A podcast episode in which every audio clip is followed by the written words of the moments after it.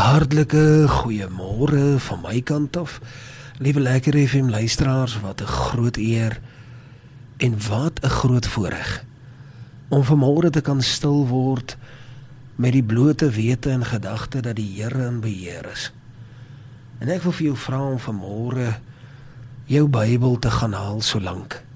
Ek gaan vir jou 'n paar minute gee om dit gereed te kry en ons gaan lees daaruit 1 Kronieke vanaf vers 20 ag vanaf hoofstuk 20 en ons gaan dan vanaf vers 5 lees.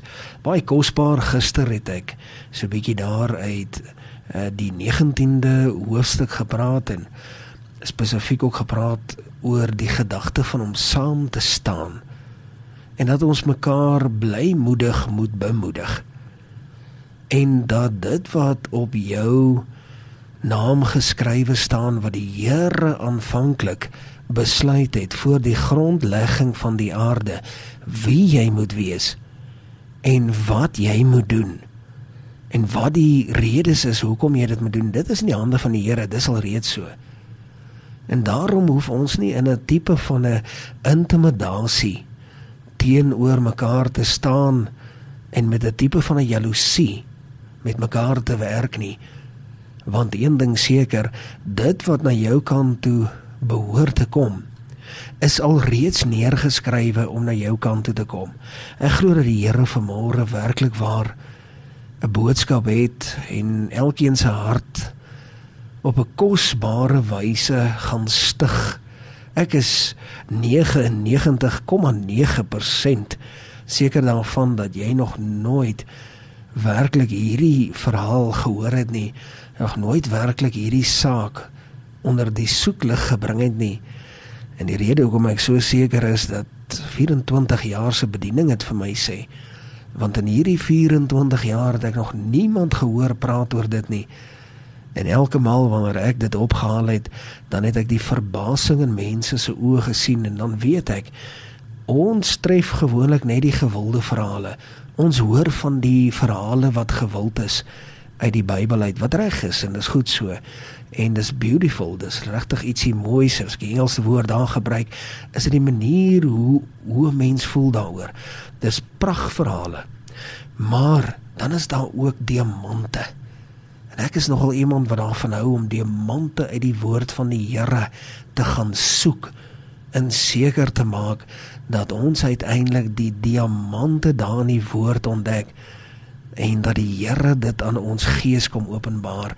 Ek glo vanmôre dat dit so oggend is en dat die Here op 'n kosbare manier vir jou ook daardeur wil seën. En ek gaan vir jou vra om saam met my te blaai hier na 1 Kronieke die 20ste hoofstuk en ek wil baie graag vir jou lees daar vanaf vers 5 tot en met vers 8 En die kruks van hierdie verhaal kom baie vinnig. Luister mooi, sommer dadelik hier in vers 5 val hy hier in op 100 km per uur. Hoor mooi wat hier gebeur. En hy gaan verder die woord van die Here en hy sê en daar was weer oorlog met die Filistyne. Nou net hier wil ek vir jou sê jy onthou die Filistyne. Jy onthou vir Goliat. En hy was 'n Filistyn. En jy onthou hoe groot was Goliat en hoe klein was Dawid nou hoor hier. En daar was weer oorlog met die Filistyne. En Elhanan die seun van Jair het Lagmi die broer van Goliat die Getiet wie se spies steel soos 'n webersbalk was verslaan en daar was weer oorlog by Gat. En daar was 'n baie lang man met 6 vingers aan elke hand en voet. Altesaam 24 en hy was ook 'n afstammeling van die Rafiete. En hy het Israel uitgedaag met Jonathan, die seun van Simea, die broer van Dawid, het hom verslaan. Hulle was afstammelinge van die Rafiete in Gat en hulle het geval deur die hand van Dawid en deur die hand van sy dienaars tot sover die woord van die Here. Ons sit net so. Dan sluit ons die oë dan bid ons saam. Hemelse Vader, baie dankie vir u woord. Here, u woord is ongelooflik wonderbaarlik. U woord hou stand tot in ewigheid en u woord kom maak dinge so helder. En kom en en, en kom seën ons harte. Here, ek vra dat u vandag ons harte kom seën. En dat u vir ons 'n nuwe bemoediging gee wat ons nie eers verwag het vandag sou kom nie. Seën ons lekker FM luisteraars in Jesus naam. Amen. En amen. Liewe lekker FM luisteraars, vergun my om hierdie oggendoordenkings te kom titel en kom sê hy laat jou oorwin. Hy beskerm jou teen alles. Die koning wat ek en jy dien is groter, ver groter as wat ons dink en verwag. Die koning wat ons dien is een wat getrou is. En baie maal voel dit vir ons ons kom te staan teen die grootste daar buite, teen die ergste. En teenoor dit wat te veel is vir ons. En ek kan dit met 'n absolute sekerheid sê dat dit is juis hoe 'n mens voel. Want ek voel ook so, ek voel tans presies net so. Dit voel vir 'n mens amper asof dit waar teen jy staan groter is as enigiets anderste. Hoe gaan jy ooit daardeur kom? Maar die Here was getrou en hy is getrou. En hy bly getrou. En ek glo dat ons deur die Here presies gelei word. En dit is net baie belangrik dat ons stadig baie stadig en baie mooi sal luister hoe die Here ons lei. Want baie maal wil ons presies weet waartoe ons gaan.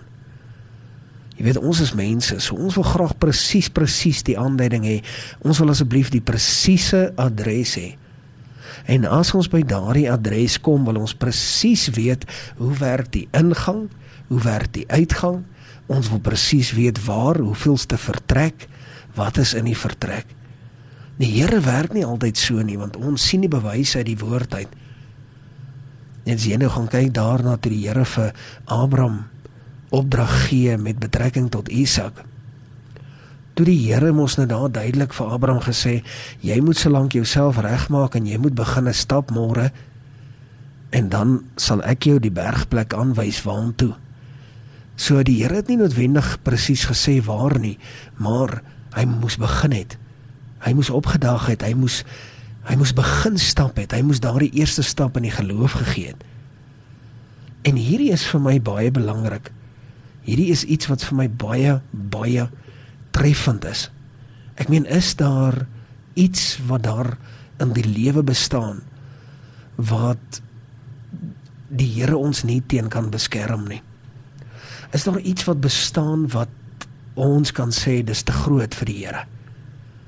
Daar is absoluut niks wat te groot is vir die Here om namens ons te hanteer nie. Dit is net nie in bestaan nie. Die mees onmoontlikste is by hom moontlik. Die onmoontlike, die Here spesialiseer in dit wat ons dink is onmoontlik. Daai wat jy dink is onmoontlik, die Here spesialiseer daarin en glo vir my, liewe lekker FM luisteraar, ek moet dit ook hoor vandag. Die Here spesialiseer daarin want die Here is God en ons is mens en hy weet wat om te doen, waarom dit te doen en hoe om dit te doen. Die Here hy maak seker dat die onmoontlike gedoen word. En hy doen dit sodat hy vir ons 'n bewys kan lewer vir wie van wie en wie hy is. Dit is hoekom die Here dit so doen. En daardie saak wat binne in jou lewe op hierdie stadium is. Die Here wys jou letterlik hoe moontlik dit sal wees as hy die saak uit jou hande uit moet neem. Ons wil baie maal die saak sommer uit ons eie uit begin hanteer. Maar die Here sê hy sal dit doen. En hierdie is vir my baie belangrik om die ek wil amper sê om die die fondamente lê. En dan wil ek graag vir jou verduidelik en wil ek 'n bietjie praat oor wat hier aan die gang is. Want het jy al ooit in jou lewe gehoor van Elhanan? Ek is seker daarvan jy het nog nooit jou lewe gehoor van Elhanan nie, maar het jy al gehoor van Dawid? Ja. Het jy die verhaal van Dawid en Goliat gehoor? Verseker. Nog nooit het jy die verhaal van Elhanan en Lagmi gehoor nie. Lagmi was die broer van Goliat en dit maak taamlik sin. Want jy kan by jouself dink dat dit in die gene is die grootte van mense. En baie sê dat Lagmi dalk groter kon gewees het as wat Goliat was. Want as jy gaan kyk na die gedagte wat hier plaasvind dat die spies was 'n wewersbalk sy spies wat hy vasgehou het was 'n wewersbalk. Nou ek wil hê jy moet dit mooi verstaan vandag. As jy dink aan 'n spies, wil ek dit amper verduidelik. Ons almal het al die verskillende pale gesien wat jy gebruik as jy 'n lapa bou. En as jy dit nou nog nooit iewerste langs die pad raak gesien het waar hulle dit verkoop nie, was jy al verseker in 'n lapa.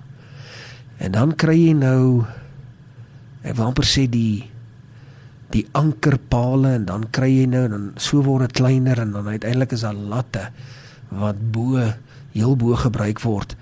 En die latte is gewoonlik dan nou waar die gras aan vasgemaak word. Nou die latte is gewoonlik die hout wat jy nou in 'n spies sal sien. So lank lat. Jou dunste paaltjie basies, jou dunste stok wat gebruik word heel bo wanneer dit kom by 'n lapa.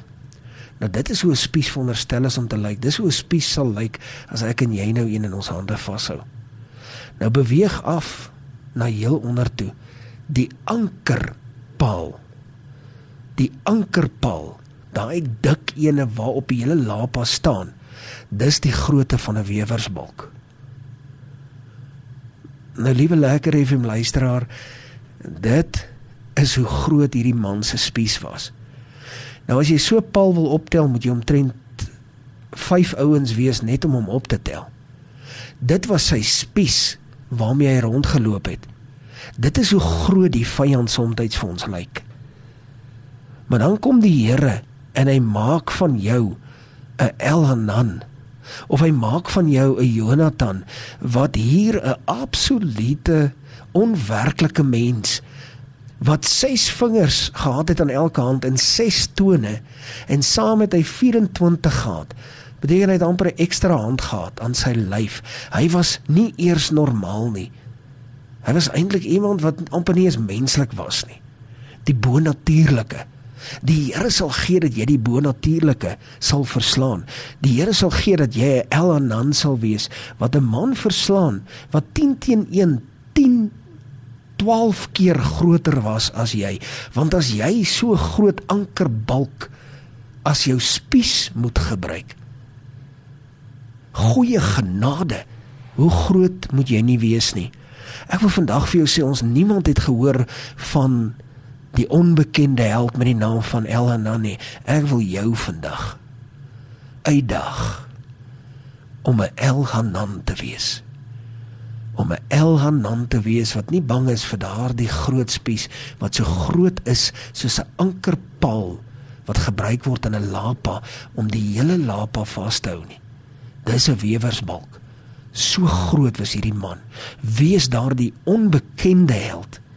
Maar vir die saak van die Here wees die persoon wat nie noodwendig die erkenning kry nie maar wat staan vir die saak van die Here net soos wat Elanan nooit die erkenning gekry het nie. Tot sover die woord van die Here. Ons sit net so dan sluit ons die oor en bid ons saam. Hemelse Vader dankie vir u woord. U woord het vandag huis toe geslaan. En vir dit dank ons u. In die naam van Jesus. Amen en amen.